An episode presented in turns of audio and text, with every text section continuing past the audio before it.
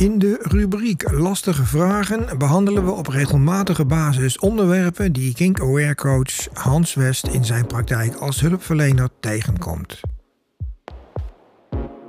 We hopen dat meerdere mensen baat hebben bij de vraagstukken, stellingen, antwoorden, gedachten en overwegingen die in deze podcast voorbij komen.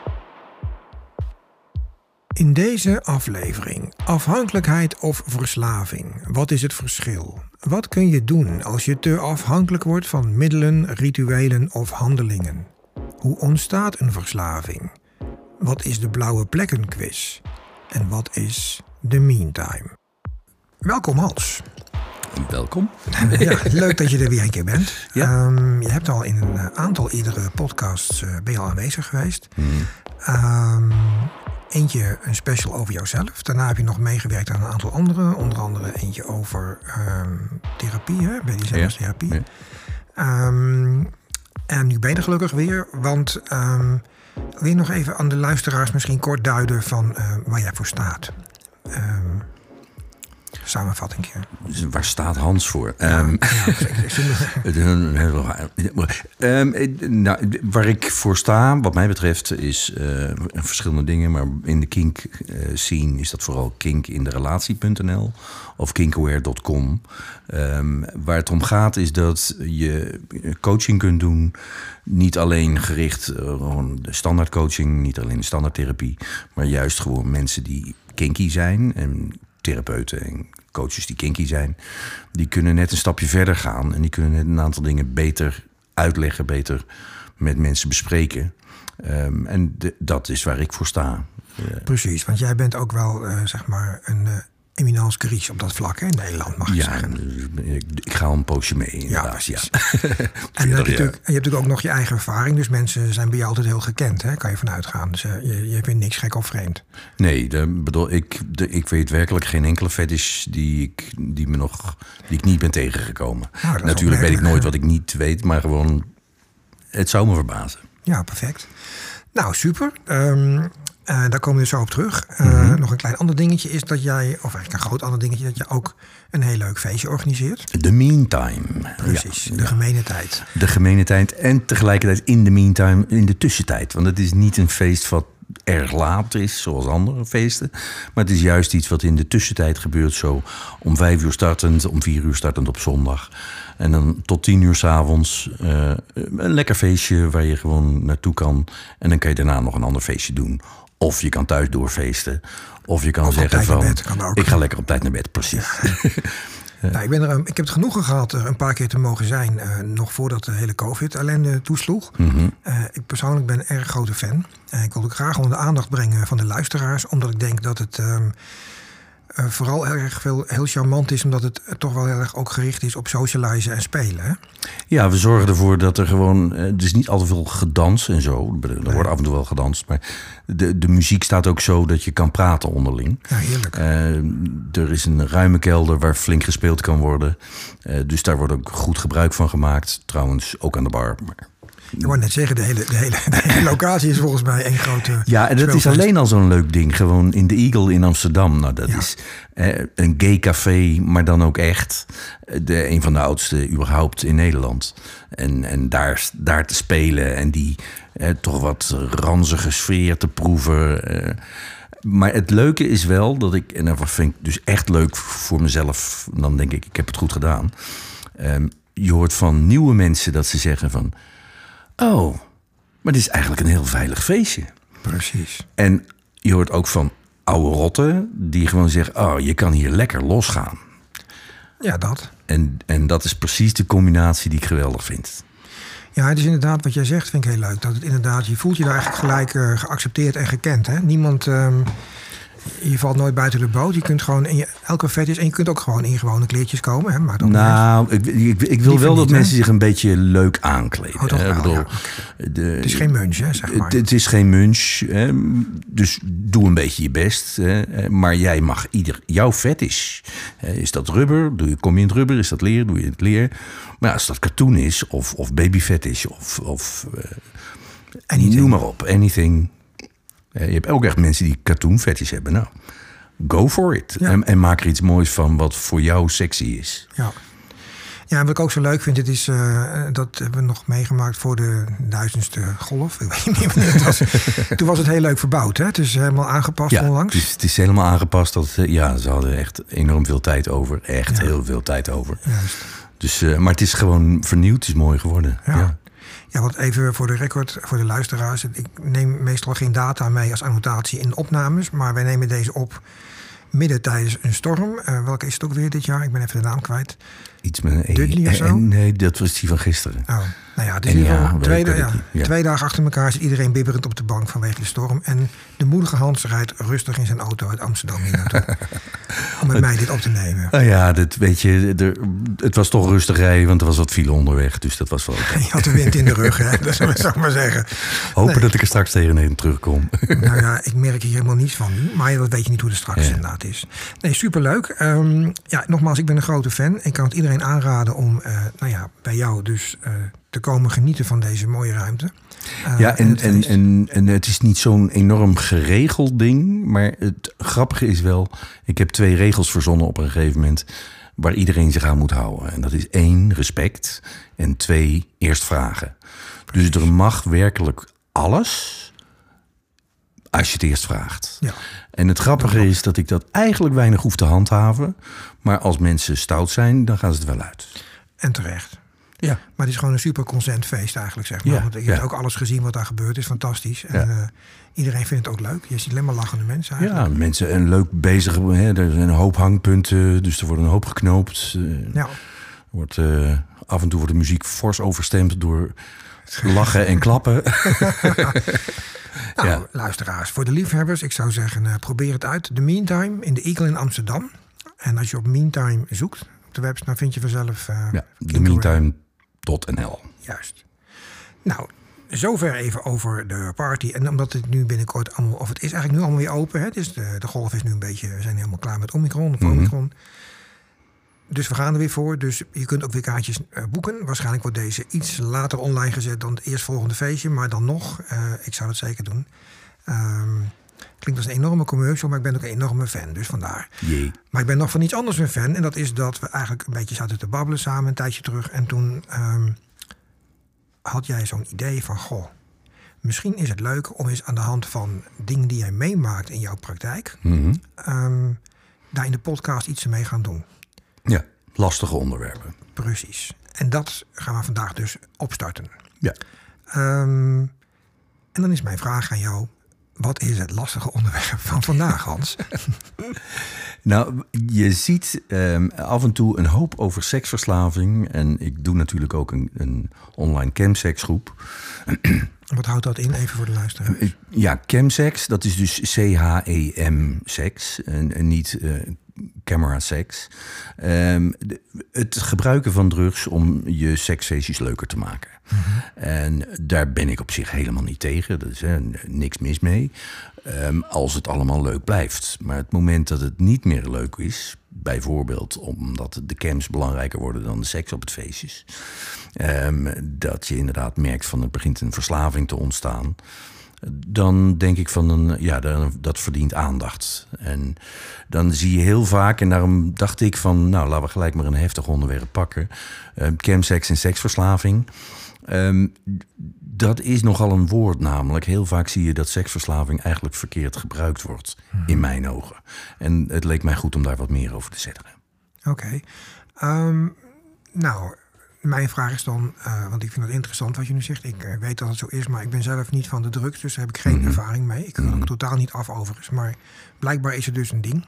Ja. Ehm, hoe kan dat bijvoorbeeld eh, misgaan? Hoe gaat het eigenlijk goed? Laat ik het nou met een positieve beginnen. V- vind ik een veel beter begin. Op het moment dat je drugs gebruikt, versterkt dat gevoelens of versterkt dat eh, manieren van beleven. En eh, op het moment dat je inderdaad zegt van ik versterk mijn seksualiteit, ik heb een feestje waar de sfeer leuk is en, en er wordt gebruikt. Ja, bedoel, als je gewoon een feestje hebt, dan wordt er eigenlijk altijd wel gedronken. Ja, dat is natuurlijk in wezen ook chems. Dat, ehm, dus mensen zeggen vaak van... eh, we kennen geen chemsexfeestjes. Nou ja, als je ga- gaat kijken, zie je eigenlijk dat best wel een hoop mensen toch even een drankje nodig denken te hebben om een leuk feestje te kunnen hebben. Ja, En wat mij betreft is dat waar het begint. Het gaat om het leuke feestje. Het gaat erom dat je rem los durft te gooien. Het kan zijn dat je daarmee met drugs dat dat kan helpen. Ehm, ik denk wel dat het iets is, zeker als we het over BDSM-feestjes hebben, om daarover na te denken van wat doen we dan eigenlijk? Want het kan natuurlijk maar zo zijn dat ehm, op het moment dat ik niet meer auto kan rijden, moet ik ook niet al te veel heftige BDSM-dingen willen doen. en knopen wordt dan een stuk lastiger. Ja, ja. de- de knopen is gewoon eh, knopen op de grond, Allah. Maar op het moment dat je mensen inderdaad gaat optakelen, dan zijn dat, dus dat is eigenlijk heftig spel. Dat Ja. is edgeplay, ja. In mijn ogen. Nee, mee eens. Maar dan denk ik ook dat je inderdaad op dat moment eh, duidelijk moet weten van, nou ja, wat niet te doen. En dat kun je misschien niet meer beoordelen dan, hè? Da- En dat is dus precies het punt waarbij je van tevoren moet weten van eh, welke dingen doe ik wel, welke ding- dingen, doe ik niet on- onder invloed. En dat geldt natuurlijk ook voor dingen als safe sex. Ja, Eh, want laten we wel zijn, er zijn best een hoop mensen die toch met lelijke infecties, en, en dan hebben we het met name over HIV, eh, terugkomen van chemsexparties. Ehm, is dat meer in de, in de gay scene dan in de dus in de hetero? gay scene meer dan in de hetero scene, nog, maar het is wel stijgend. Ja, En eh, dingen als Tina, eh, crystal meth. Mhm. de, Tina staat voor de afkorting There is no alternative. oké. Ja, dat is echt heel prettig, heel lekker. En daardoor zo lekker dat even later de Tina belangrijker wordt dan het feit dat je er wat langer op mee kan seksen dan anders. Ja, ja, ja. En dat is wel een risico natuurlijk. ja. Ehm, en hoe merk jij dat dan terug in jouw eh, praktijk, zeg maar? Want Nou, mensen die er tegenaan lopen, dat ze gewoon merken van... eh, ik heb een probleem met chemsex. Ik merk dat ik zo druk bezig ben met het scoren van contacten... en dat er iedere keer gebruikt moet worden als er seks is. En gewone seks valt weg. Of zelfs fetish seks valt weg. Het moet echt altijd de combinatie chemsex zijn. Ja, dan is er wat mij betreft... dan heb je de lol eruit gehaald. ja, Dan wordt het een dwingend iets. Ja, En het is misschien goed om het zo even te hebben over het verschil tussen wat mij betreft verslaving en afhankelijkheid. Wat door heel veel mensen altijd op een hoop wordt gegooid. Ehm, maar wat mij betreft begint het er dus bij dat je op het moment dat je zelfs dingen als ecstasy gebruikt om zo'n feestje te kunnen hebben. En je hebt die feestjes nooit zonder ecstasy. Ja, dan heb je eigenlijk wel een probleem. ja, Hetzelfde geldt natuurlijk voor uitgaan en dansen. Als ik gedronken moet hebben om überhaupt uit te gaan, ja, ja, ja. ja, dan. Nee, maar anders dan voel ik me zo bekeken op de dansvloer. Ja, dat klopt. Maar Daar sta je op een dansvloer ook mee. precies. Ja. ja, Oké. Ehm, Oké, maar dan is het zo van, nou ja, wat ik ervan weet is dat mensen die een eh, verslaving hebben, welke vorm dan ook, daar meestal lastig of niet of aanspreekbaar zijn.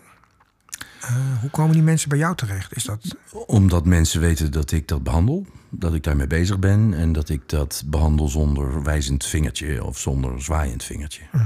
Eh, wat je heel vaak ziet is dat mensen vanuit schaamte proberen te behandelen. Ja, maar je moet ook stoppen. Je moet ook gelijk stoppen. Dit kan toch ook niet? En, eh, en zowel seks wordt zo benaderd als terug en, en verslaving wordt zo benaderd. En ik denk, shame is killing. Dus juist gaan kijken naar. Dit is een de verslaving. Laten we even de verslaving apart pakken. De verslaving is een chronische ziekte. Ehm, het slechte nieuws is dat als je hem hebt zitten, dat, je hem niet, dat hij niet meer overgaat. Maar dat je er wel heel oud en gelukkig mee kan worden als je hem leert kennen en je leert hem managen. Ehm, even verslaving is wat mij betreft een hersenaandoening, een chronische hersenaandoening. Die inderdaad gaat over het motivationeel circuit. Dat, eh, heel term. Ja, maar, leuk, dat weten luisteraars over het algemeen. Nee, nou, de, de, de, de oude gedachten daarover waren het genotcentrum. Het is zo lekker, die mensen kunnen niet meer zonder. En kijk maar, de dopamine die stijgt ook enorm. Dus dopamine is een genotstofje. Dat is oud nieuws. Dat is gewoon niet waar. Dopamine is een stofje wat hoger wordt en wat verhoogd wordt door veel drugs. Dopamine is een stofje wat hoger wordt als we iets belangrijk vinden. Je ziet dopamine ook stijgen als we gewoon meer mediteren. Dus juist als je gaat kijken naar dit middel is voor mij iets wat ik heel belangrijk voel, dan wordt het eh, heel makkelijk om er gewoon dan ook over na te gaan denken als dat belangrijk is. Ja, Een, een grapje wat ik met mensen met verslavingen vaak doe, is dat ik zeg van oké, je sterft nu. Ehm, ik hou je hand vast en ik ben een sympathieke therapeut. Dus eh, ik wil jouw stervensproces zo makkelijk mogelijk maken. En vriendelijk glimlachend voeg ik je toe. Je hebt in ieder geval genoeg gebruikt. ja, En dit is precies de reactie die mensen zelf ook hebben. Ja. Gast, wat zeg je? precies. En dat laat precies voelen van het is niet wezenlijk, het is niet belangrijk, maar het voelt wel belangrijk. Want dan is mijn volgende vraag: zullen we nou even kijken naar wat je allemaal hebt ingeleverd voor je gebruik, voor jouw middel? En dat is heel veel vaak, hè? Dat is vaak echt heel veel. En dan kom je op het punt dat je zegt van mijn verslavingsdefinitie is een stofje wat onbelangrijk is, voelt belangrijk, omdat het jouw motivationeel circuit kaapt. Ja, En dat is dit leven zo. Het zal af en toe belangrijk zijn voor je gevoel.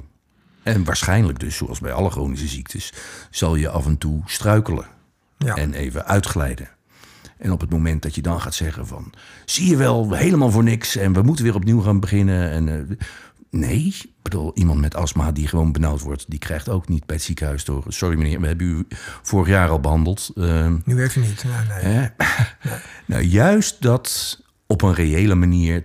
En we- begrijp me goed, er sterven mensen aan uitglijders. hè, de- Dus het is niet ongevaarlijk of zo. Maar dat wel reëel bekijken en dan niet de schaamte in. En niet gaan zeggen van. eh, ik, ik heb in de verslavingsbehandeling, eh, in de verslavingszorg. heb ik ooit te leren gekregen dat we dan aan het eind van de behandeling mensen een steentje gaven met een datum erop. En dan, Ben je genezen en dan en dan, en dan, nou nee, was het maar zo. Nee, dan, dan gingen we bezorgd kijkend zeggen van... nou, laten we zorgen dat je ons niet meer ziet, hè? zo belerend, Ja. zo... Hè? ja. Ah. En op het moment dat je zegt van nee, natuurlijk kan dat gebeuren. Laten we opkrabbelen. Eh, laten we niet alleen bezig zijn met niet uitglijden... maar laten we vooral ook kijken wat moeten we gaan doen om op te krabbelen. Wat moeten we Ja. gelijk gaan, doen om door te gaan.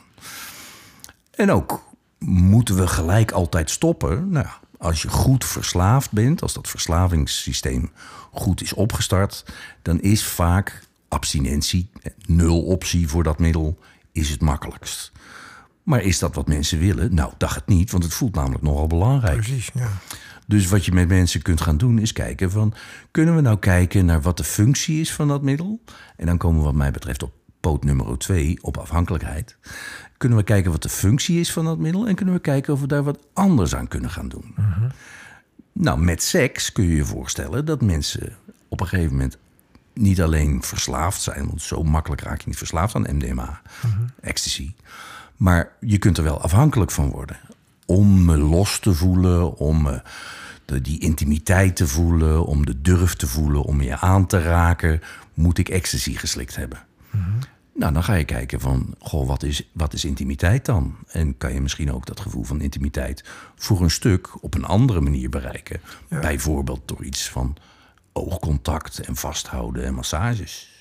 Ja, want dat, is, dat vind ik heel interessant dat je dat zegt. Want het hele verhaal van het gebruik, eh, dat heb ik al eerder gezegd, is mij vreemd. Maar dat komt omdat ik dus geen enkele moeite heb met mensen aanraken of die intimiteit opzoeken. Dus ik ken dat niet. Hè. Dus ik ben, ben gefascineerd door wat voor blokkades. Op, dat moet dus iets zijn wat mensen eigenlijk, eh, want je zegt net, het is een geestesziekte. Hè, zo zie je, dan definieer je dat. Een, een hersenziekte. Een hersenziekte, ja. Ja. verslaving. Ehm, maar dat is heel fascinerend, want er moet dus iets aan de hand zijn waardoor mensen een alcohol of een bepaalde druk nodig hebben om ja, die muur even omlaag te gooien, zeg maar. Nou, en dat is dus inderdaad waar afhankelijkheid vaak een aanloop wordt voor een verslaving.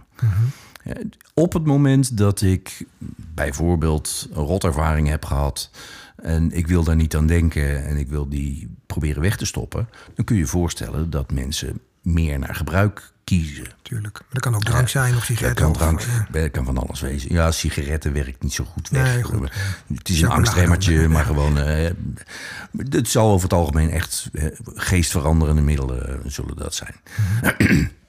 nou, je kunt je voorstellen, die worden aantrekkelijker als ik meer shit heb meegemaakt. Ja. dat is aanleiding voor mensen om meer te gebruiken. Als je kijkt naar het feit dat uh, bijvoorbeeld gays uh, ruim 25% meer verslaving kennen dan hetero's, dan kun je zeggen van wat is er met die gays dat ze zo snel verslaafd raken. Je kunt ook kijken van wat is er met onze maatschappij dat we de gays zo'n positie geven dat ze zo snel verslaafd raken. Ja, exact. Want dat is natuurlijk wel waarin je gewoon in de kast hebt gezeten, waarin je niet kon zijn wie je was, waarin je moest uitvinden wat je was en er was geen voorbeeld. Ja, dan is het natuurlijk wel aantrekkelijker om eventjes wat dingen maar, te gebruiken. Maar is dat dan ook niet zo voor. Want ik, ik en jij hebben ook die fase doorlopen. Eh, als, hey, ik neem, je bent toch hetero, neem ik aan? Of niet? Ja, ik ben hetero. Ja, ja tussen zaakjes, maar ja. ja. ja. dat heb ik in principe dus ook. Dus ik heb ook die, die dingen doorlopen van ja, wat is mijn gevoel? Een soort van uit de kast komen, onbegrepen zijn.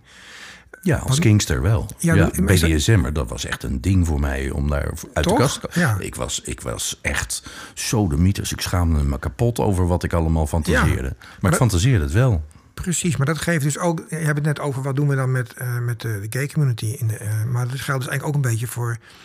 Waar ik eigenlijk naartoe wil is dat waarom um, hetero's dan minder verslaafd zouden raken dan gays. Omdat ze dus wellicht toch ook door eenzelfde traject heen moeten. Niet alleen stigma op gay is hoog. Nou, ik, ik denk dus dat het inderdaad, en dat is gewoon nog niet onderzocht of nog niet bekend, maar ik denk dat het voor een hoop kinksters op dezelfde manier gaat. En dat het bij gays onderzocht is omdat de groep groter is. en, en, en, meer aandacht heeft. Meer aandacht heeft tot nu toe. Maar ik denk dat het precies hetzelfde is. En, en uh, laten, we, laten we duidelijk zijn, kink, eh, homofilie heeft veel te lang in de DSM gestaan. Maar uh, BDSM is er nog maar net uit. Ja, met, met de hakken over de sloot. Hè? Ja, met de hakken over de sloot. Wordt ja. altijd gek gevonden. Ja, ja, dat is nog steeds helaas. Eh, zijn, wij zijn echt een niche, hè, volgens mij. Want eh, procentueel gezien is het maar mm, zoveel tiende van de bevolking of zo, toch? Of? Nou, er zijn heel veel mensen met een fetish. En het punt is, als je gaat kijken...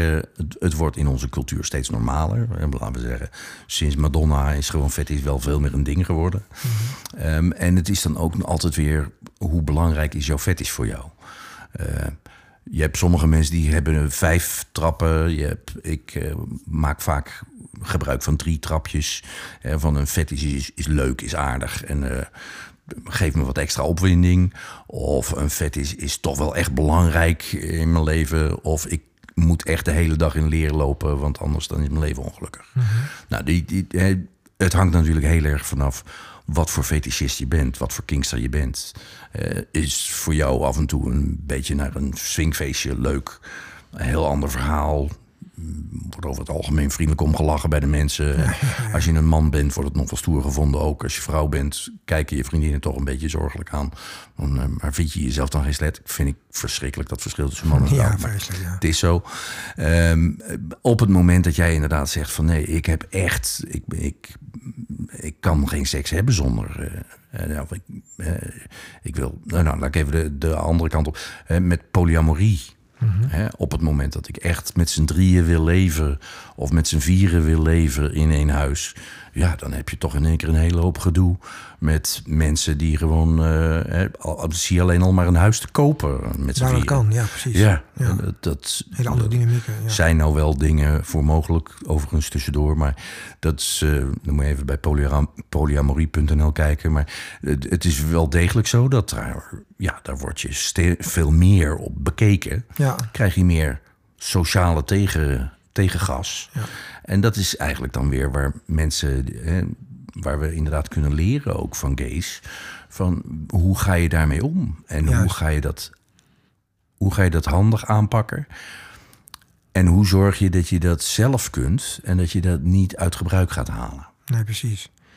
En hoe, hoe zit dat dan bijvoorbeeld met. Um, je gaf net die definitie van um, af en toe een keer in je leren pakje seks hebben. Of naar een feestje gaan tot met de hele dag erin moeten lopen, anders ben je niet gelukkig. Ja.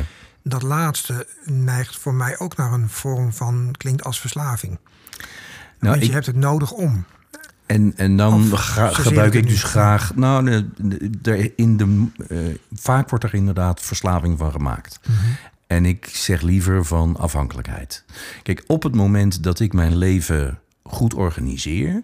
En ik ben een fetischist en ik zorg dat ik gewoon mijn vet is leuk kan uitleven, dan is mijn leven heeft levenskwaliteit. Op het moment dat ik in het rubber moet lopen om mezelf af te leiden van herinneringen van vroeger. Want weet ik veel, ik, hè, voorbeelden die ik heb meegemaakt, mensen die in de oorlog afgrijzelijke dingen hebben meegemaakt als soldaat. En die daardoor echt steeds heftiger seksuele Prikkels. prikkels, nodig hebben om gewoon eigenlijk zichzelf af te leiden van hun eigen verleden. Ja, dan kan je voorstellen dat gewoon dan ontstaat er een dwingendheid en dan Ja. ontstaat er een afhankelijkheid. En het verschil met verslaving is dat verslaving ook meer lichamelijk is? Of? Ja. Ja, er gebeuren ook stofjes hè, als rubber of fetish of, of BDSM heel belangrijk voor je is. Heb je ook allerlei stofjes in je brein. Ik bedoel, denken geeft stofjes, leven geeft stofjes in je brein. Dat, dus dat mensen zo enorm op de stofjes zitten, dat is vaak ook een beetje een, een manier van kijken die te simpel is. Een brein is veel ingewikkelder dan stofjes. Maar je hebt inderdaad, ik kijk, middelengebruik geeft verslavingen. En andere is afhankelijkheid. En ik kan natuurlijk afhankelijk zijn van gokken om gelukkig te zijn. Ik kan afhankelijk zijn van kopen, oh, hè, dingen kopen. Dat is iets anders dan de lichamelijke cocaïneverslaving Ja, of heroïneverslaving of alcoholverslaving.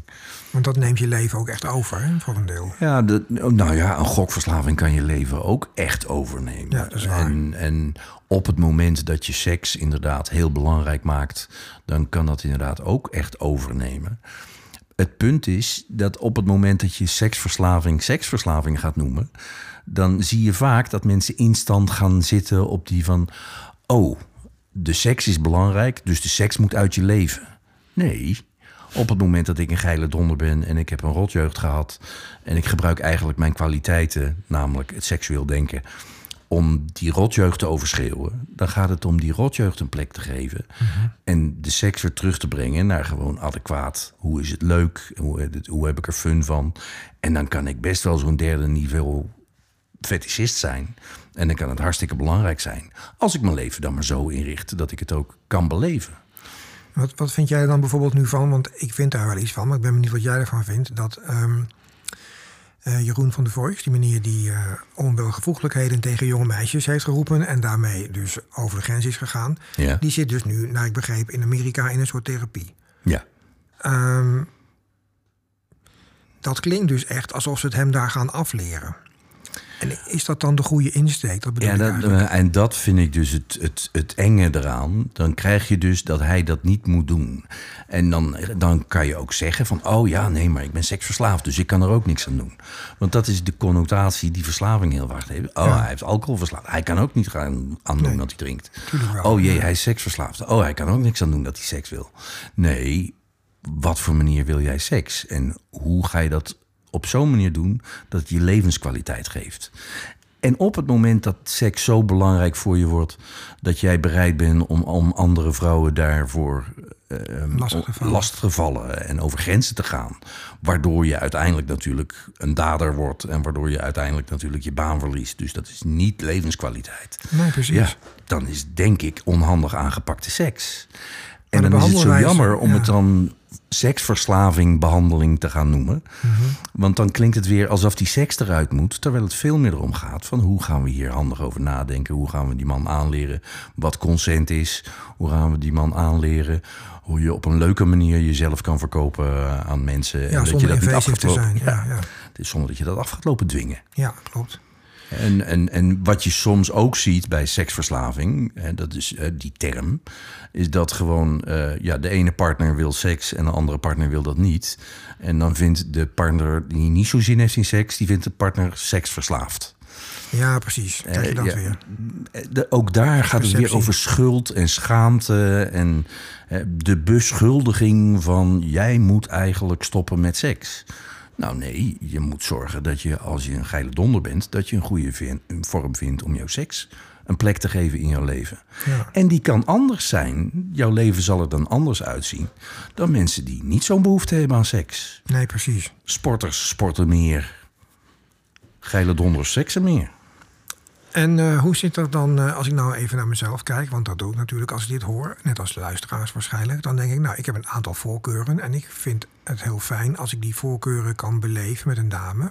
Mhm. Eh, in mijn geval, of dames, liefst nog zelfs, dan Mhm. terwijl ik seks met ze heb. Ja. Een vorm van, whatever. Ja. Ehm, maar dat is, ik wil niet zeggen dat het een voorwaarde is, maar het is wel een heel sterk aanwezige prikkel, zeg maar, die ik eigenlijk wel bijna nodig heb om klaar te komen. Ja. Dat durf ik wel over mezelf te zeggen.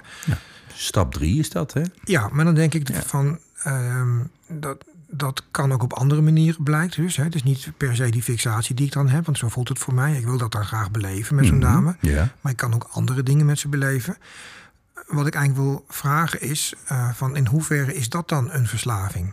Want heb ik dan zo'n prikkel? Ja, ik- ik, ik, ik vind dus iemand die gewoon enorm graag sport. En die dat op een leuke manier doet in zijn leven. En die daardoor een betere conditie heeft. Die vind ik niet sportverslaafd. Iemand die zo nodig moet sporten dat het eigenlijk vooral bedoeld is om dingen te overschreeuwen. Of, of dat leegtes in te vullen in je leven. Ehm, en die dus ook zo hard aan het trainen is dat spieren kapot gaan en gewrichten Ja, stuk precies. gaan. Dat is levenskwaliteit, dat kost levenskwaliteit. Ja, Ja, dan, dan denk daar ik. ligt de grens een beetje, zeg jij. Ja. ja, ik denk dat werken aan verslaving is werken aan levenskwaliteit. Mhm. En werken aan afhankelijkheid vooral is werken aan levenskwaliteit. ja, Doe het voor de goede redenen. Mhm. Dat is bijvoorbeeld iets wat je soms ziet bij seksualiteit. Dat mensen enorm druk bezig zijn met seks, omdat ze eigenlijk validatie willen, omdat ze eigenlijk erkenning willen voor dingen. Mhm. Eh, of omdat ze eigenlijk intimiteit wensen. Maar nou, een hele hoop mannen die hebben helemaal niet geleerd om intimiteit mee te maken. Nee, precies, Die kennen ja. alleen maar seks. Ja. En dat is de manier om intimiteit mee te maken. Nou, dan loop je dus enorm te, de, de grote behoefte aan seks, die misschien helemaal niet gaat over seks. Nee, precies. Heel interessant. Dat had ik ook laatst ook met een, podcast in Tantra hadden we het daar ook over. Dat is Ja. interessant. Dat het ehm, dingen zijn die je allemaal los kunt laten. En eh, zeker ook je orgasme uitstellen en daar niet op focussen. En je veel meer bezighouden met het totaal. En Ja.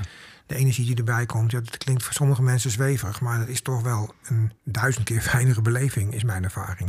En, en en, nou, het geeft je minstens een hele hoop vrijheid. Precies, Hè, ja. Op het moment dat jij kunt zeggen van ik kan dat op verschillende manieren doen, dat geeft je een hele hoop vrijheid. Ik heb zelf altijd een beetje last met dat energieconcept, want ik Snap zie die energie niet. Ja. Maar op het moment dat je levensenergie dan Geef het een naam. Het een naam.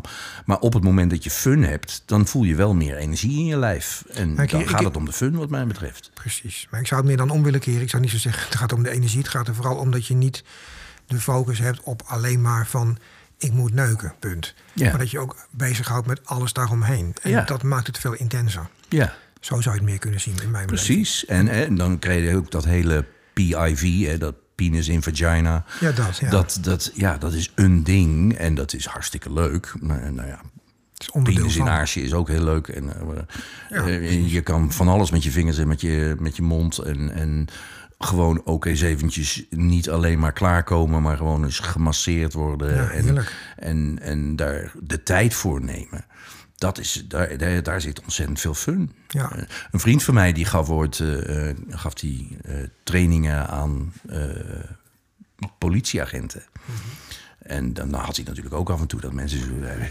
Ja, politie, stoere jongens. Dus, en, nee, maar dat heb ik niet nodig, hoor. Dus, En dan keek hij altijd even vriendelijk. En dan zei hij van... Goh, komt jouw vrouw eigenlijk klaar als je met haar neukt? Briljante eh, tekst. eh, eh, nou, een beetje aardig. En hoe lang duurt dat dan? Eh, eh, want ik ben namelijk anderhalf uur bezig... en heb ik mijn broek nog niet eens open gehad. Heeft zij al vijf, vijf orgasmes gehad. Precies dat, ja.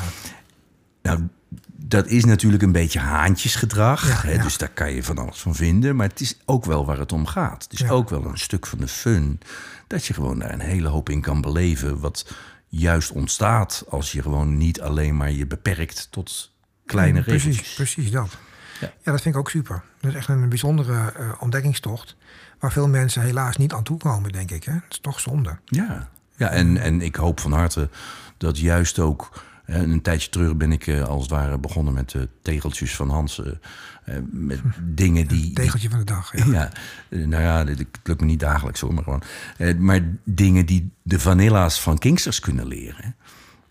laten we wel zijn, praten over seks op het moment dat jij een gekke seksualiteit hebt dan moet je wel praten over dingen. Als jij gewoon de standaard rituals afdraait, zoenen, voelen, een beetje vingeren rap door naar PIV, mhm. dan, ja, dan weet iedereen wel ongeveer hoe, hoe de volgende stap wordt. Ja. Maar op het moment dat jij andere dingen wil, want je wil andere kleertjes aan, of je wil iets anders, of je wil andere mensen bij, of je wil mappen, of je wil geslagen, of je wil masseren, of, of tantra, of whatever the fuck op het moment dat jij wat anders wil, dan zul je het erover moeten hebben. En dan zul je iemand moeten overtuigen dat hij dat ook wil. Ja, Want als je dat niet doet, dan ga je mensen lopen dwingen zoals...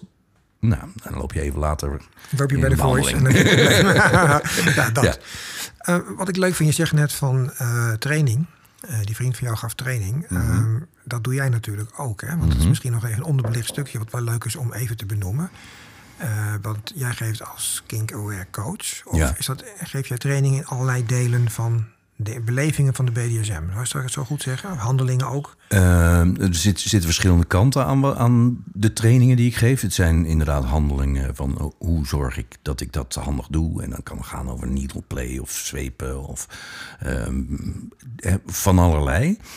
Um, iets anders is dat ik ook bijvoorbeeld aan artsen in opleiding of psychologen in opleiding uitleg van wat BDSM is en hoe je daarvan kan genieten. Mhm. En bijvoorbeeld aan artsen is een hele leuke. Ehm, dan doen we de blauwe plekken quiz. En dan kijken we naar. ja, fantastisch. De, dan kijken we naar mensen van. Uh, is dit een mishandeling of een BDSM-lazy? En hoe, hoe zie jij dat verschil? Want iemand die blauwe plek heeft door zweepslagen, kan ook van de trap gevallen ja, zijn. Dan moet je de nu moet je de cursus. Nee, flauwheid. Nee, nee, nee, bij deze. Dames nee, nee, nee. de cursus dan. nee, nee, ik wilde wel. Hè. Klein tipje van de sluier. Een tipje van de sluier is natuurlijk. Nee, best een grote tip van de sluier. Is als ik jou loop te slaan uit mishandeling, dan weer jij af. Dus de klappen die komen op jouw armen. Precies. Um, zelden dat gewoon een BDSM, in een BDSM-sessie gezegd... laat me jou eens even fijn op je onderarmen rossen. nee, precies. Dus dat is gewoon een simpel uh, dingetje. Een heel simpel dingetje. Verder is het voor een, uh, een, een, dader vaak ook wel een dingetje... dat die gezien wordt mhm. Ehm, door het slachtoffer. Dat is eigenlijk niet zo tof. Dus wat je, je krijgt klappen richting gezicht en richting ogen... Nou, oké, als BDSM'er kan je af en toe eens iemand in zijn gezicht meppen. En er zijn mensen die een blauw oog leuk vinden, maar dat zijn toch relatief uitzonderingen. Ja. Meestal een keer met de vlakke hand in het gezicht slaan, houdt het wel op, zeg maar. Ja, hè, dus een rode wang of uh, een keer een tuitend ah, oortje, dat is een heel ander iets. Als gewoon hè, een bloedoog, omdat iemand echt recht op je gezicht heeft gemapt. Ja. Bijvoorbeeld. Maar en zo zijn er meer dingen. Maar dat is niet per se niet gegroepeerd. En, uh, die trainingen, maar die trainingen die jij geeft, die zijn dus al breder. Hè? Die gaan dus inderdaad van hoe, hoe, ga je met bijvoorbeeld een zweep om of zoiets? Uh, nou, dat is de, de inhoudelijke eh, kant. De, uh, inderdaad, hoe, zwepen voor beginners. Dat is dus de, de, de BDSM-techniekenkant.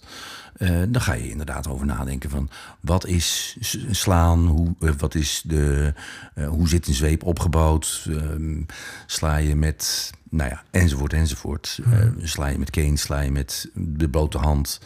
Um, massage en spanking bijvoorbeeld. Hè? Hoe, hoe, begin je met massage en hoe bouw je dat uit naar een leuke spanking? Mm dat, is, dat is een workshop. Um, Heb je dan nooit, als je op je eigen feestje loopt, op de meantime, dat je denkt van, goh, die persoon zou nog wel wat sturing kunnen gebruiken? Want ik heb al, af niet per se daar, maar in general wel mensen gezien, ik ook in het verleden achteraf, maar die, die nog wel wat sturing nodig hebben, zeg maar. Uh, dat je denkt van, ja, maar gewoon op het moment dat je iemand op jouw feestje gaat zeggen van... hé hey joh, stop jij eens met slaan, want je moet eerst om mij... Nee, nee dat bedoel ik niet, maar dat je met je meer zo denkt van... Af en oh, toe dan denk ik wel eens van, oh joh, bouw nou even op. Ja, precies, uh, dat soort dingen. Of, of ja. volg een bepaalde techniek, dat mensen staan maar te mappen... maar dat is niet dan maar doormappen of zo. Dus nee, dat zie je soms wel bij mensen. Zie je, zie soms gebeuren, ja. ja dan heb je niet zo subtiel van, goh, dat doe je heel goed, maar zou je nog eens... nee, dat, ik bedoel, men weet me wel te vinden als ze het willen leren. En als ze het niet willen leren, dan, dan heeft het toch geen zin om te zeggen. Ja, dat vond ik trouwens heel leuk van jou. Dat toen ik voor het eerst op de Meantime kwam, dat je ook zo'n rondleidingje doet. Dat je even vertelt waar, wat, wel en hoe en wie. Ja. Dat je, jij of Karin dat altijd deed, hè, Ja. volgens mij. Ja. Of doet. Dat weet is altijd. Ja. Ja. mensen die voor het eerst komen, die probeer ik altijd rond te leiden. Ook om bij de dames goed in te wrijven van... als er iemand iets doet wat je ongevraagd is, ja. kom naar mij. Precies. Niet goed vinden, kom naar mij. Ik vind het niet goed. En om toch, ja, zo klassiek is het natuurlijk wel... ehm, om de heren duidelijk te maken van hoor eens... Dat niet, dat Ik- niet. Dat, dat, ja. hè, eerst vragen en respect. En indien niet, einde verhaal. Dan mag je elders spelen. ja, heel goed. Nou, top. Maar dat werkt dus wel. Daarom is zo'n Ja. ontspannen sfeer Ja, waarschijnlijk. dat, ook. dat is, ik denk dat dat een hele belangrijke investering is in een feest. Die maakt dat het ook leuk wordt. Ja. En dat is denk ik een investering die veel mensen niet doen. Nee. Ehm, waardoor het ook ja, makkelijker uit de hand kan lopen en minder gehandhaafd wordt in zo'n feest. Ja. Ja, behalve dan misschien zoals die dingen van, eh, eh, weet je weer, van die jongere organisaties die dat af en toe hier en daar. Die hebben wel mensen rondlopen ook Ja. die dat in de gaten houden. Maar die, die zijn inderdaad er ook echt op van, van dat, ze, dat ze handhaven. Ja, precies. En ik hoef maar heel weinig te handhaven, omdat ik het juist aan het begin zo duidelijk zeg. Ja, precies. Nou, het werkt Ja. wel. Ja. Oké, even terug naar het verslavingsaspect dus, want dat was eigenlijk de insteek van deze Ja. podcast. Ehm, kink op zich, kun je dat ook als een verslaving of weer als een afhankelijkheid bestempelen? Hoe zou je dat zien? Ik zie het als eh, hetzelfde als sporten, of hetzelfde als houden van kunst, of houden van lekker eten. Ik zie het als een, nogmaals, een levenskwaliteit. En als je er handig mee omgaat, dan geeft het jouw leven kwaliteit. Op het moment dat jij een aparte kink hebt, dan moet je dus wat meer dan een ander om dat een plek te geven in je leven. Op het moment dat je het te belangrijk maakt en er is verder niks anders meer dan kink, Ja, dat is- dan gaat het je levenskwaliteit kosten. Ja, precies. Hè, dus soms dan praat ik ook wel met mensen over van hoe, hoe belangrijk is dit in je leven? En zijn andere dingen ook belangrijk? Ehm, je ziet bijvoorbeeld wel bij mensen die bij mij komen en die zeggen van ik ben kinky, maar mijn partner is dat niet. Dat je dan toch echt even een onderwerp aansnijdt van hoe belangrijk wil je het maken in jouw leven. ja.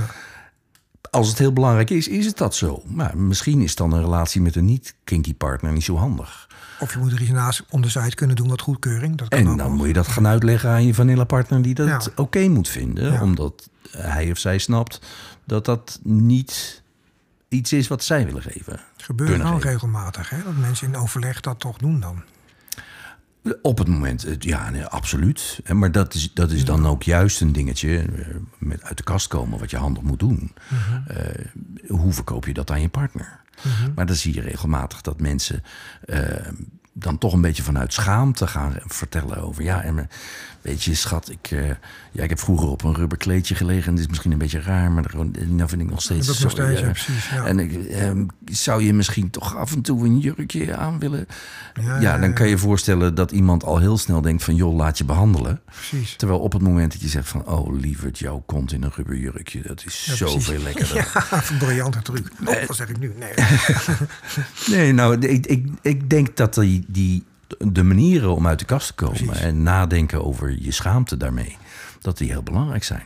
Ja, maar dat, dat denk ik ook. Maar als, je dan terug, als ik terugdenk aan mezelf, hoe moeilijk ik het vond om in het begin met vrouwen bespreekbaar te maken waar dan mijn kick lag, mijn, mijn dingetje. Of dat waren meerdere dingen over de jaren heen. Maar dat je dan, dat is iedere keer weer, eh, nu niet meer, maar dat was heel lang een dingetje geweest. Van dat je, je moet eigenlijk eerst voor jezelf daar overheen, dat het wat jij wilt, eh, dat, is, dat moet je eigenlijk eh ownen, zeg maar. Dat moet jouw Ja. ding worden. En dan kun je erover praten alsof je een glaasje water pakt. Dat maakt dan niet meer uit, zeg maar. En om dat te gaan ownen... heb je een periode waarin je het uit moet leggen aan mensen... ja, En die awkwardness om dat uit te leggen... daar moet je vanaf. nee, die moet je... embrace your awkwardness. Oké. Juist dat te vinden en zeggen van... oké, maar, maar daar zit wel de kick in mijn leven. Mhm. Op het moment dat ik dat doe en ik ga daar doorheen...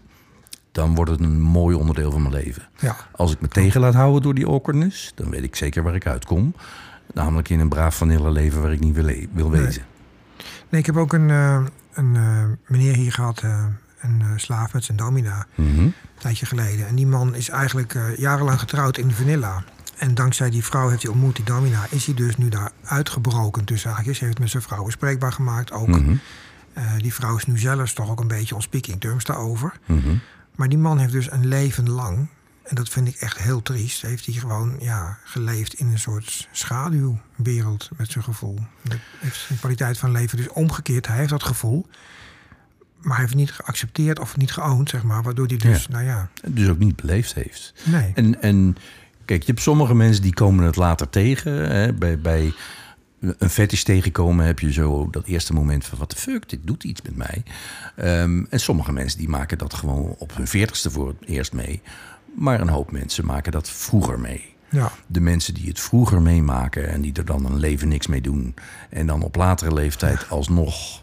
Ah, maar ik wil er toch wel. Dan zit er zoveel pijnlijkheid ook omheen. Ja, Dat het alleen maar moeilijker wordt. ja. En dan krijg je van die dingen van. Oh ja, maar vroeger had ik een lijf waarin ik het wel kon doen. Maar nu kan ik het nog niet meer in rubber hullen. Bijvoorbeeld precies. als ik even rubber neem. Kan trouwens heel goed, hè. Dat het verhult Dat alles. is dus heerlijk. Daarom. Ja. Maar het is inderdaad juist dat je, dat je gaat erkennen van ik heb een fetish. ja, En wat wil ik daarmee in mijn leven? precies. En het kan ook op een gegeven moment een reden zijn als, als jouw kinderen en jouw baan. Want voor sommige mensen is het heel eng om, om inderdaad als fetischist bekend te staan. eh, door het werk wat ze doen. Het blijft wel een ding, maar niet iedereen om je heen accepteert het. Hè? Nee. Meestal niet eigenlijk. Het is gewoon hè, in, in, in bankwezen eh, zie je een aantal gevallen dat mensen zich ja, manipuleerbaar voelen. Ja, En, en ja, dan ben je het, als je dat zo voelt, dan is het ook in één keer zo. Ja, ja. Dat is het wrangen daarvan. Ja, Eh, eh, dus dan zie je dat mensen inderdaad ook eh, rechters in, in België bijvoorbeeld. ja die zijn recht. Ja. en hele pijnlijke situaties daar, die daardoor zijn ontstaan. Ja. Ehm, juist omdat je gewoon denkt dat je gemanipuleerd kan worden, word je gemanipuleerd, Ja. word je manipuleerbaar, kan je inderdaad eigenlijk je werk niet meer doen. Op het moment dat ik nou reuze gelukkig ben als bankmedewerker of rechter en ik ben getrouwd en ik heb inderdaad kinderen en ja, dan kan ik gaan overwegen, overwegen of ik misschien toch wil gaan rouwen om wat ik niet leef. Ja, en dat. Mhm. ik het actief loslaat. Maar dat is echt actief accepteren dat je iets niet gaat beleven. ja. En daar mag dan ook waardering voor zijn van de partner. Maar de paarden moeten het dan wel weten, inderdaad. Ja, ja. Eh, Op het moment dat ik dat ga verzwijgen, dan. eh, ik, zeg altijd: eh, geheimen in een relatie zijn een beetje omgekeerd aan de relatie.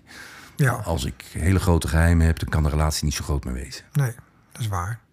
En, en op het moment dat je dus inderdaad zegt van ik kan het hier nooit over hebben, eh, nou, dan, dan, dan kan je, wordt het moeilijk om een relatie te hebben. En dan gaat het waarschijnlijk ook groeien in je hoofd.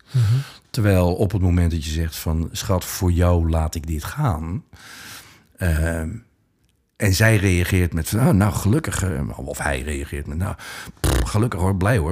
eh, rariteiten van jou, eh, blij Ja, dat het voorbij is. reactie natuurlijk. Ja. Ja, dan, dan kan je je voorstellen dat je naar binnen slaat en dat het belangrijk blijft. Terwijl Ja. op het moment, en ik ken mensen die daarvoor gekozen hebben en daar ook gelukkig door geworden zijn. Die zeggen van oké, ik krijg waardering van mijn partner dat ik iets heel belangrijks achterlaat. En dat ik daar af en toe eh, misschien behoefte aan heb. En dat ik daar ook af en toe even moet praten. Dat ik misschien daar af en toe even niet zo lekker in mijn vel zit. Maar voor mijn leven, zoals, dat, zoals ik dat zie, beslis ik dat mijn fetish losgelaten wordt. Oké. Ja, je kan je voorstellen, dat kan je doen met een eerste graads fetish, zou ik maar zeggen. Maar met een derde graads fetish word ik gewoon nooit gelukkig. En dat was dus mijn vraag. Denk je toch iets van jezelf gaat ontkennen dan? Want het is net zoals je onderdrukt dat je inderdaad gay bent. Dat kun je maar zo far doen. En daardoor heb je heel veel mensen die daardoor dus ook gefrustreerd raken... of op andere Precies. manieren leed ervaren. Precies. Dus er is niet één antwoord. Het is geen Nee. simpele van, eh, nou, dan- dan stop je het toch gewoon. Nee, zeker niet. Als het echt een belangrijk iets is, dan moet je er maar iets mee in je leven. Ja. Nog even terug naar de lastige vraag van deze podcast, namelijk het eh, gebruik. Je kunt je voorstellen dat mensen in een aantal gevallen dat gevoel niet willen voelen en dus gaan gebruiken om het niet te voelen. Je kunt je ook voorstellen dat mensen het alleen maar onder invloed kunnen ervaren. Ehm, ik had een klant en die vond het leuk om in vrouwenkleren gehuld te zijn. Maar hij durfde dat alleen maar onder invloed. Dat was een alcohol. Ja, In wezen een soort van campsexparties. Hij ver- verscheen dronken op feestjes als vrouw onder invloed. En dan vervolgens schaamde hij zich enorm over wat hij gedaan heeft. En dan zei hij ook, oh, dat doe ik nooit meer en ik stop ermee. ja en zonde zeg. Ja. gooide die alles weer weg. En dan, eh, ja, even later had hij toch weer heel veel zin in drank. Want dat was de enige manier waarop hij die fetish kon uitleven. Dus er wordt een soort conditionering dan ook eigenlijk. Dat gaat bij elkaar horen. Ja, ja. En waar we toen echt aan gewerkt hebben, is van hoe ga jij nuchter vrouwenkleren dragen? Mhm. Hoe ga jij nuchter naar zulke soort feestjes? Want het is niet nodig dat je daarvoor drinkt. Sterker nog, het wordt leuker zonder. Ik wou net zeggen, de beleving is veel gaver, toch? Ja. Je- ja. Oké, heb je nog een, eh, een laatste eh, tip voor de mensen die, eh, die zeggen van... nou, ik hoor dit wellicht en ik heb het idee dat ik misschien ook wel iets te veel gebruik. Eh, Ga nadenken over levenskwaliteit. En wat ik altijd zeg, het belangrijkste is de waarom wel vraag. Er zijn duizend redenen waarom je niet moet gebruiken. En de omgeving gaat daar vaak vooral op zitten. Jij zou niet moeten gebruiken, je zou niet moeten seksen, je zou niet moeten zijn wat je doet. Maar je ziet juist dat als je gaat nadenken over waarom doe ik dit wel? Wat brengt het mij? Geeft, is het het ritueel? Is het het middel wat me mogelijkheden geeft?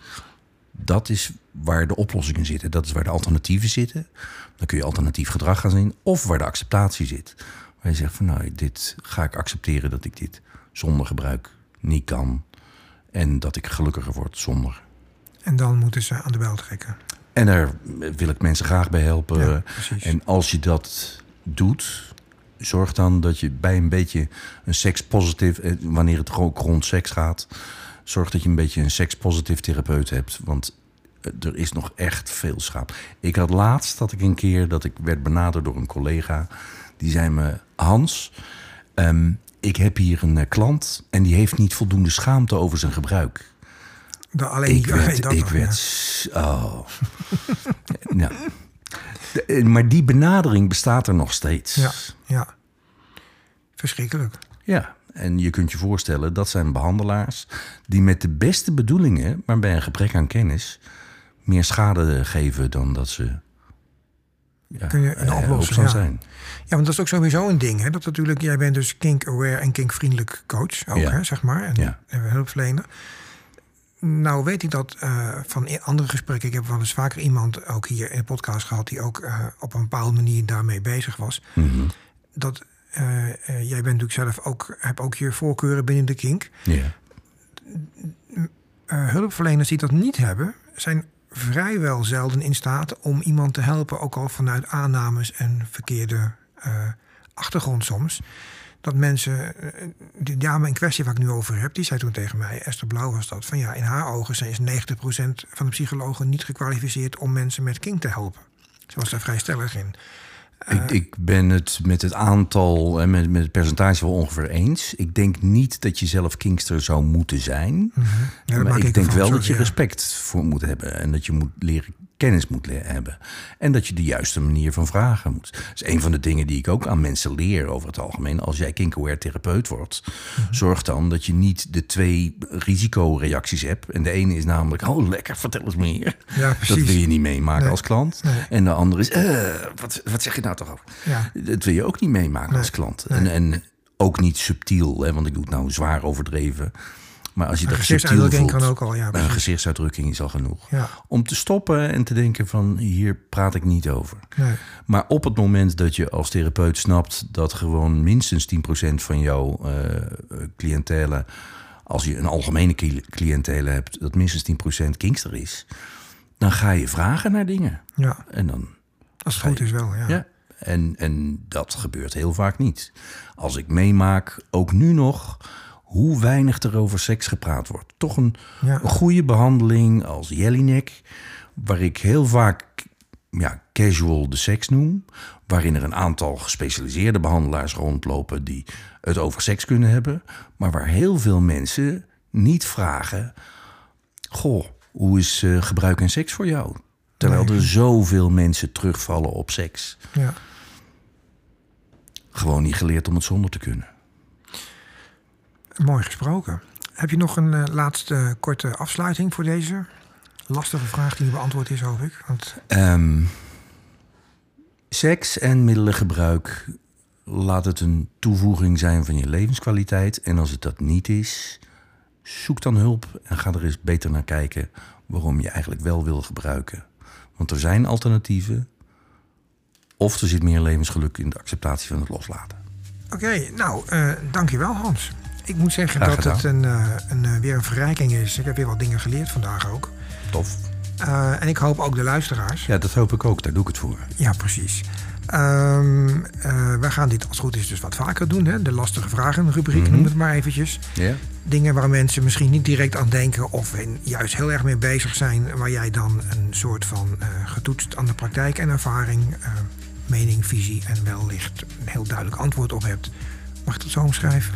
Ja, we zullen er af en toe een beetje uitzwerven misschien. Maar ja, dat is leuk, dat hoort erbij. Dat, hè? is ook, eh, dat, is, dat zijn wij wel. Juist.